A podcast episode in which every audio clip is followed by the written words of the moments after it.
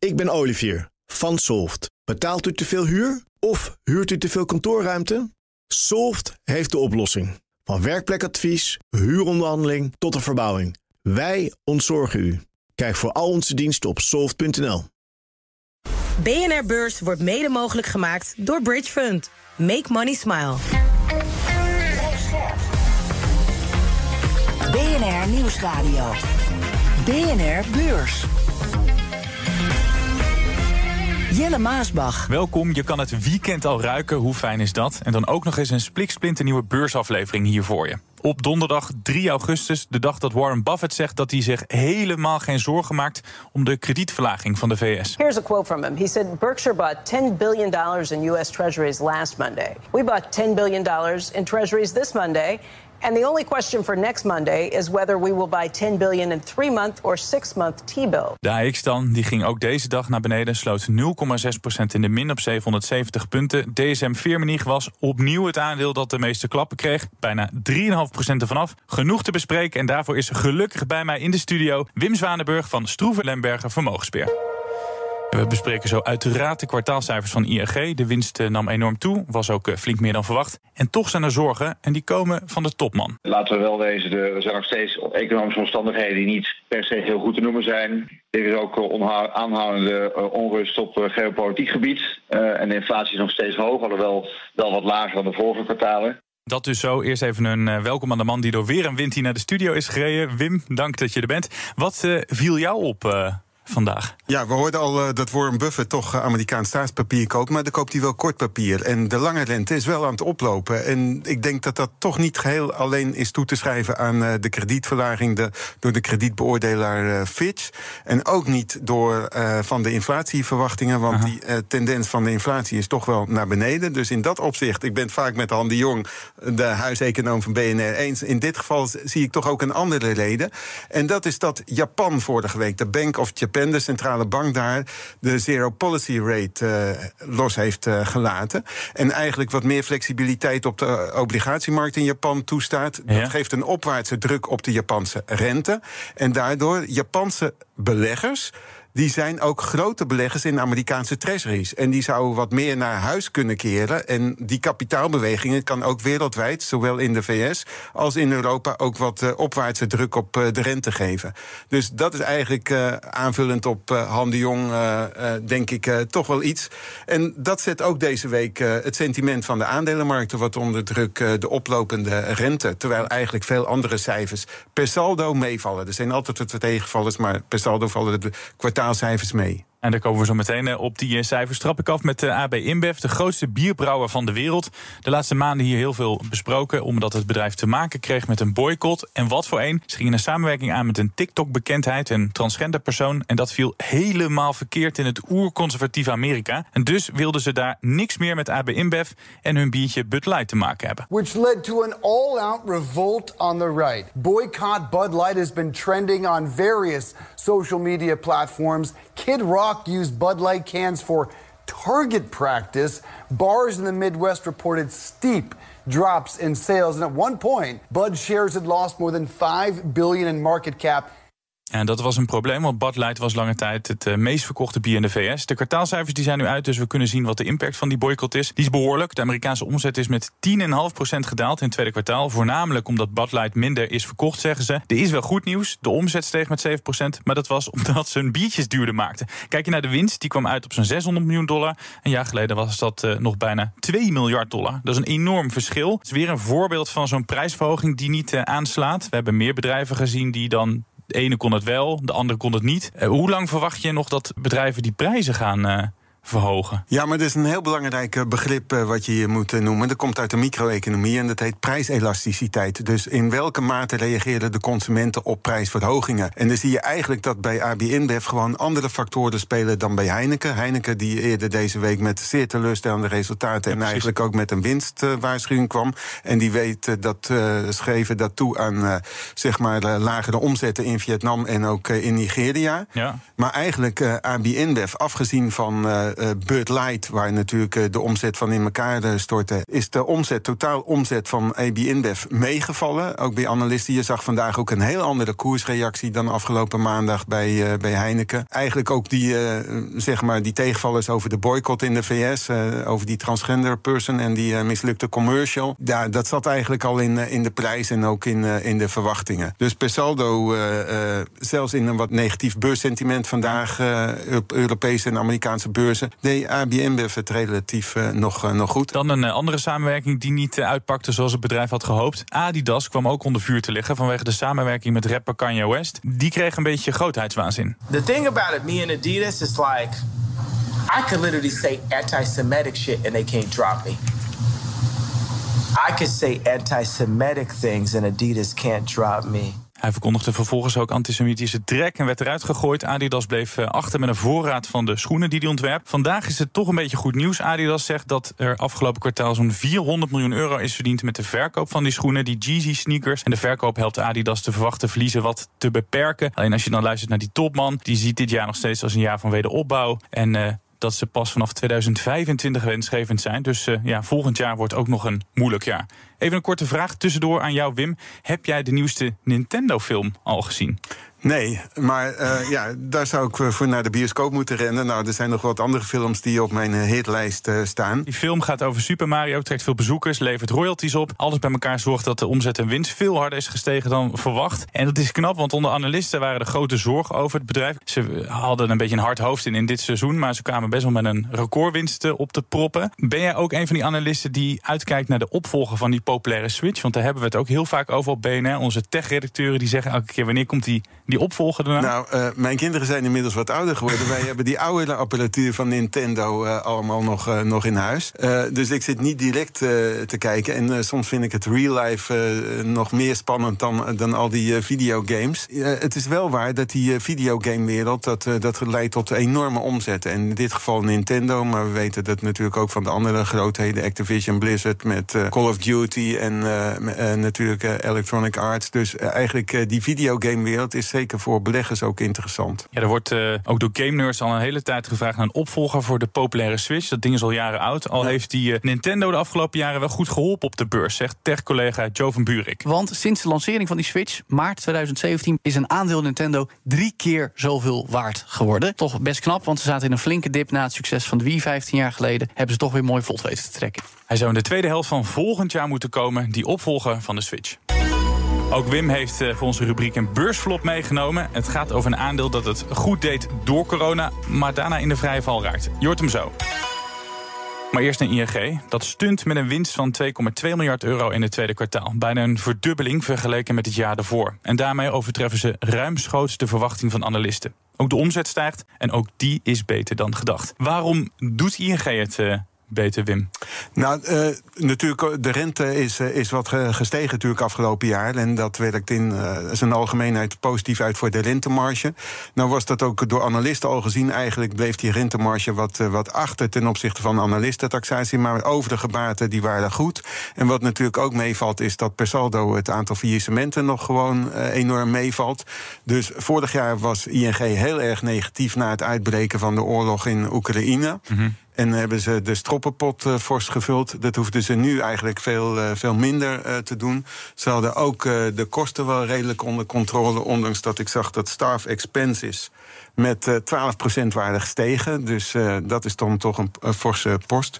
Maar de kost-inkomratio die ontwikkelt zich ook goed. De kapitaalratio, dividend hebben ze ook nog iets weten te verhogen. Aan de andere kant staat daar weer tegenover dat ze niet extra aandelen gaan, gaan inkopen, dat ze dat uh, in aankoopprogramma toch nog weer even, even uitstellen. Mm -hmm. Maar per saldo waren dit uh, gewoon goede resultaten. Ook als je kijkt naar deposito's, spaargeld wat geplaatst is, aantal nieuwe cliënten.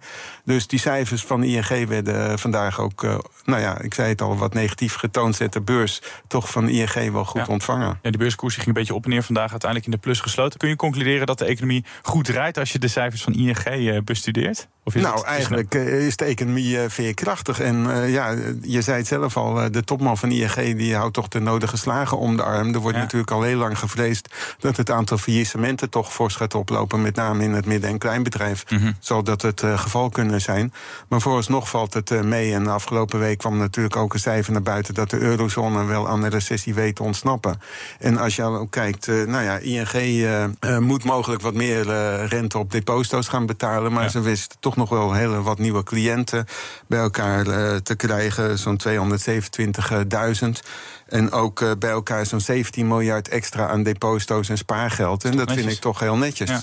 Je had het over die topman inderdaad. Uh, ondanks die hele goede cijfers loopt hij niet de Polonaise. Hij somt een uh, aantal risico's op. Laten we daar even naar luisteren. We zien natuurlijk dat de economische groei die gaat naar beneden. We zien alle programma's uit corona en die steun die, die, die gaat langzaam weg. Dat geldt ook voor andere landen in Europa. We zien uh, geopolitieke spanningen de afgelopen jaren die we een tijd lang niet gezien hebben. We hebben inflatie die nog steeds erg hoog is. En dus uh, uh, zie je dat een aantal elementen in die economie een rol spelen die in ieder geval zorgwekkend zijn. Ja, die zorgwekkend zijn. Vind jij het ook zorgwekkend? Ja, er zijn natuurlijk altijd factoren die je kan aanduiden. Maar glas is half vol of half leeg. Ja. Hè? En Welk team ben jij? Dit... Glas half vol? Nou, ik ben economisch gezien wat, wat optimistischer. Ja. En we zien gewoon een hele krappe arbeidsmarkt, een hoge inkomenszekerheid van mensen, consumenten die wel blijven besteden, inflatie die wat de core inflation, dus kerninflatie betreft, mm. toch nog steeds aan de hoge kant is, maar wel naar beneden tendeert. Dus daar ben ik per saldo uh, positiever over.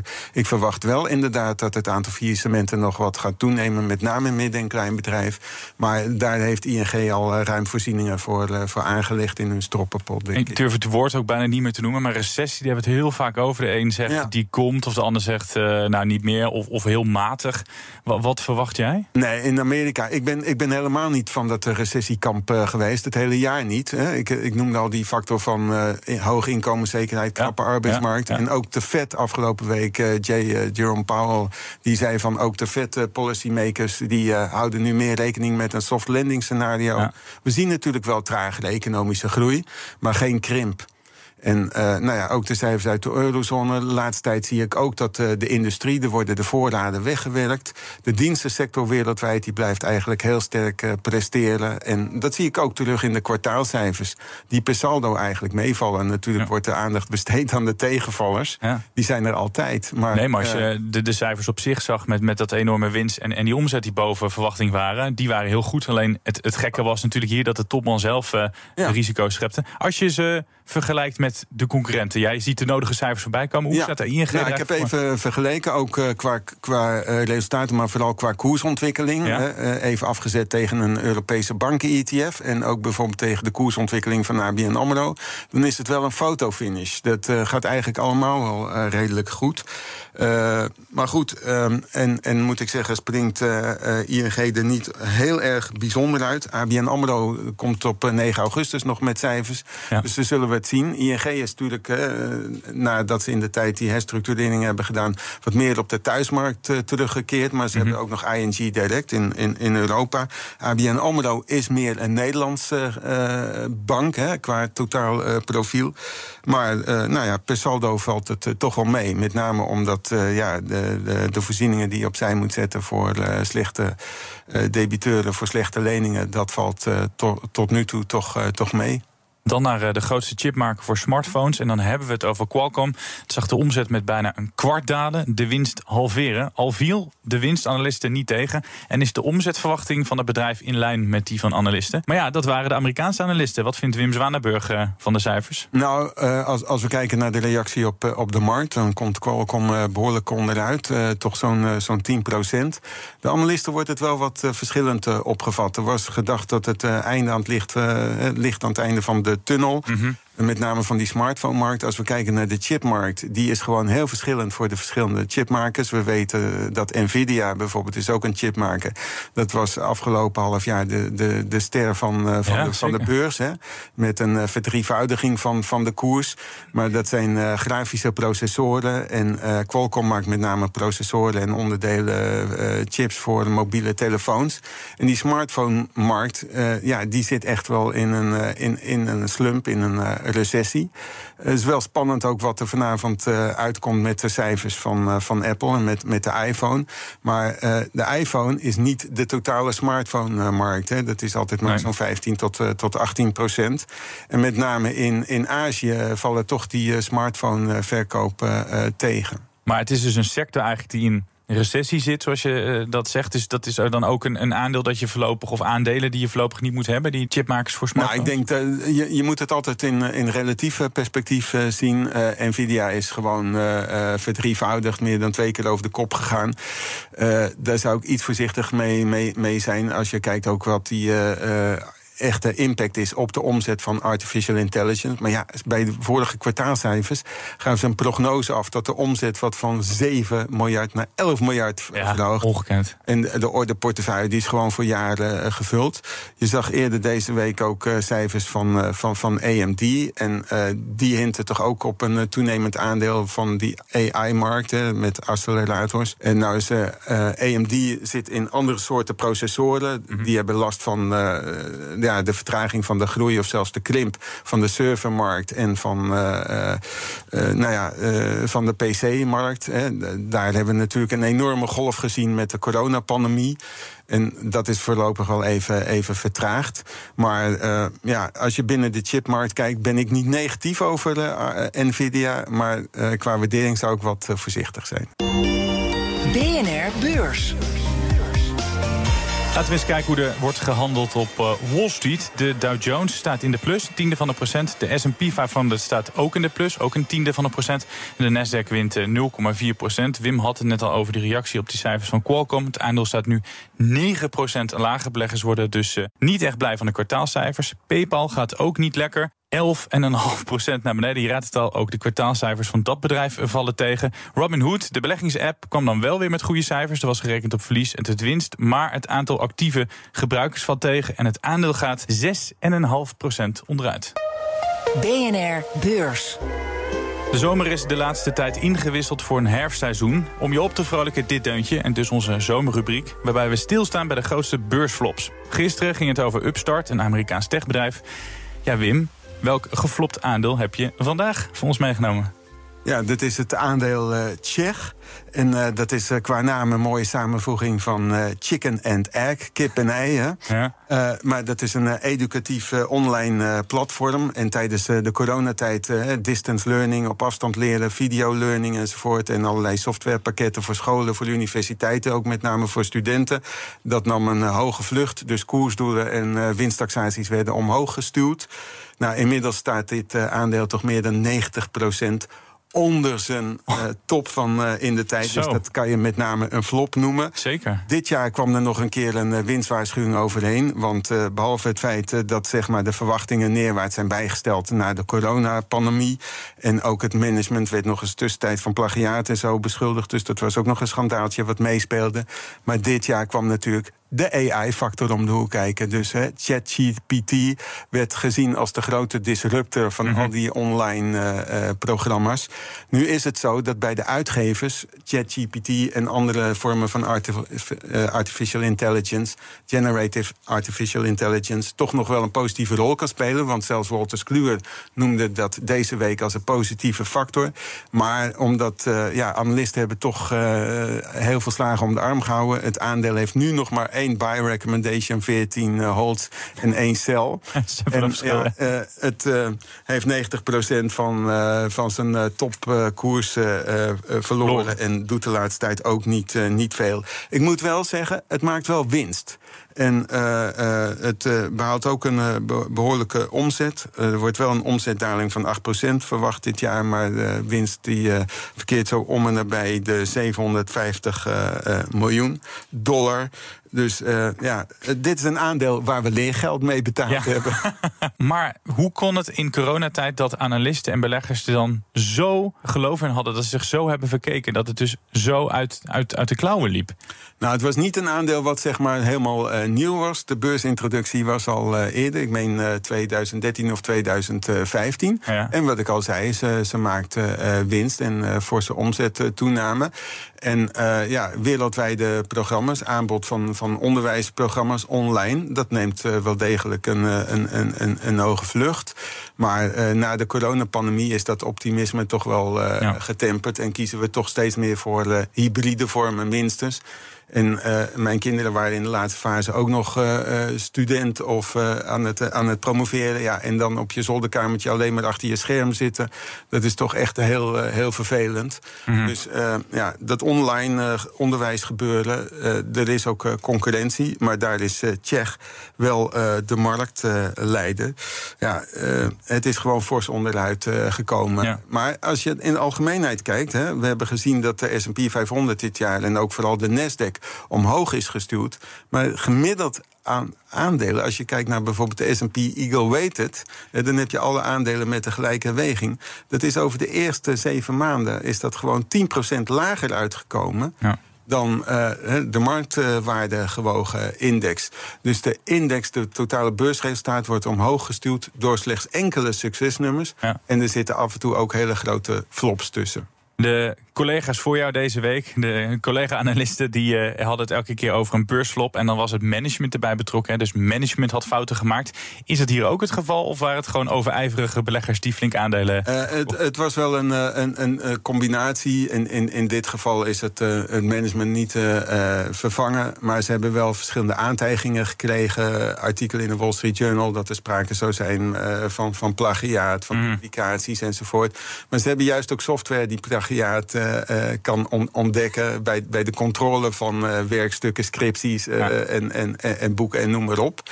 Dus ja, ik, ik, zie, ik voorzie wel een toekomst. Maar in de coronapandemie werd dit aandeel toch wel te veel gehyped. Wat kunnen we volgens jou leren van dit aandeel? Dat je toch wel in bijzondere omstandigheden... Ja, dat, je altijd rekening moet houden dat zoiets ook nog eens disrupted kan worden. Dat we dit jaar de doorbraak zouden hebben van artificial intelligence. Dat uh, was niet helemaal te voorzien tijdens de coronapandemie. Nee. Wat je sowieso moet doen, uh, niet alle eieren in één mandje. Dan hebben we het weer kip en ei, Tsjech. Uh, wat dat betreft diversificatie. Maar dat je af en toe een, een, een gok moet nemen met innovatie. Dat is ook duidelijk. Hè? Dat zien we aan uh, Nvidia dit jaar. Je moet ook uh, uh, letten wat de markttrends zijn en opkomende marktleiders. We zijn er bijna, bijna bij het einde van de aflevering. Eerst nog even vooruitblikken op de laatste beursdag van de week. Dat overzicht komt van mijn collega Danielle Kastemans. Op deze dag komt er nieuws over de Amerikaanse arbeidsmarkt. Die doet het nog altijd veel beter dan gedacht. Vorige maand kwamen er weer ruim 300.000 nieuwe banen bij, meldt loonstrookverwerker ADP. En nu krijgen we de officiële cijfers van de overheid. Dan weten we echt hoe de Amerikaanse arbeidsmarkt ervoor staat. En dat is belangrijk voor het rentebeleid van de Fed. Uit Duitsland komen de kwartaalresultaten van Commerzbank. De concurrent van Deutsche Bank had vorig kwartaal te maken met tegenvallende resultaten. Bovendien verhoogde de bank zijn verwachtingen voor de rentebaten minder sterk dan de markt had verwacht. Herpakt de bank zich dit kwartaal? Wim, jij als uh, Apple Watcher, die cijfers die komen straks na beurs. Wat verwacht jij van de cijfers van Apple? Nou, dat ze toch wel weer uh, goed zullen zijn. Er zijn wat uh, indicaties dat met name de verkoop in Azië, dus in tegenstelling tot de concurrenten en de slump die we net noemden in de smartphone-markt, dat het toch wel weer goed is. Want je mm -hmm. ziet, ik zag weer marktonderzoeken, dat Koreaanse gebruikers eigenlijk overstappen naar de iPhone. En dat is natuurlijk wel uh, pijnlijk voor, uh, voor Samsung en voor de Android-gedreven telefoonmakers. Uh, voor de rest uh, doen de diensten het eigenlijk ook uh, heel, heel goed. Apple is zelfs actief geworden op de, op de bankenmarkt. Al eerder natuurlijk met het betaalsysteem enzovoort. Maar nu zelfs ook met het aanbieden van ja, spaarrekeningen enzovoort. Samen met Goldman Sachs.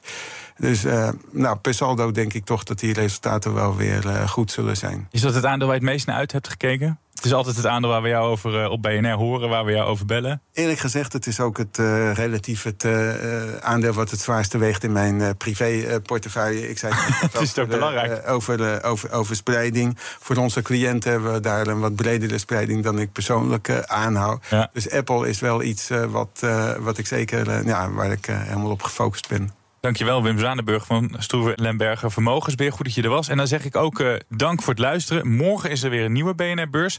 Dan ook tijd om jouw vraag te beantwoorden. En doe dat vooral. Stuur hem naar bnrbeurs.bnr.nl. En wie weet wordt jouw vraag dan voorgelegd aan de gast van morgen. Tot de volgende. Hoi. BNR Beurs wordt mede mogelijk gemaakt door Bridge Fund. Make money Ik ben Olivier van Solft. Betaalt u te veel huur of huurt u te veel kantoorruimte? Solft heeft de oplossing. Van werkplekadvies, huuronderhandeling tot de verbouwing. Wij ontzorgen u. Kijk voor al onze diensten op soft.nl.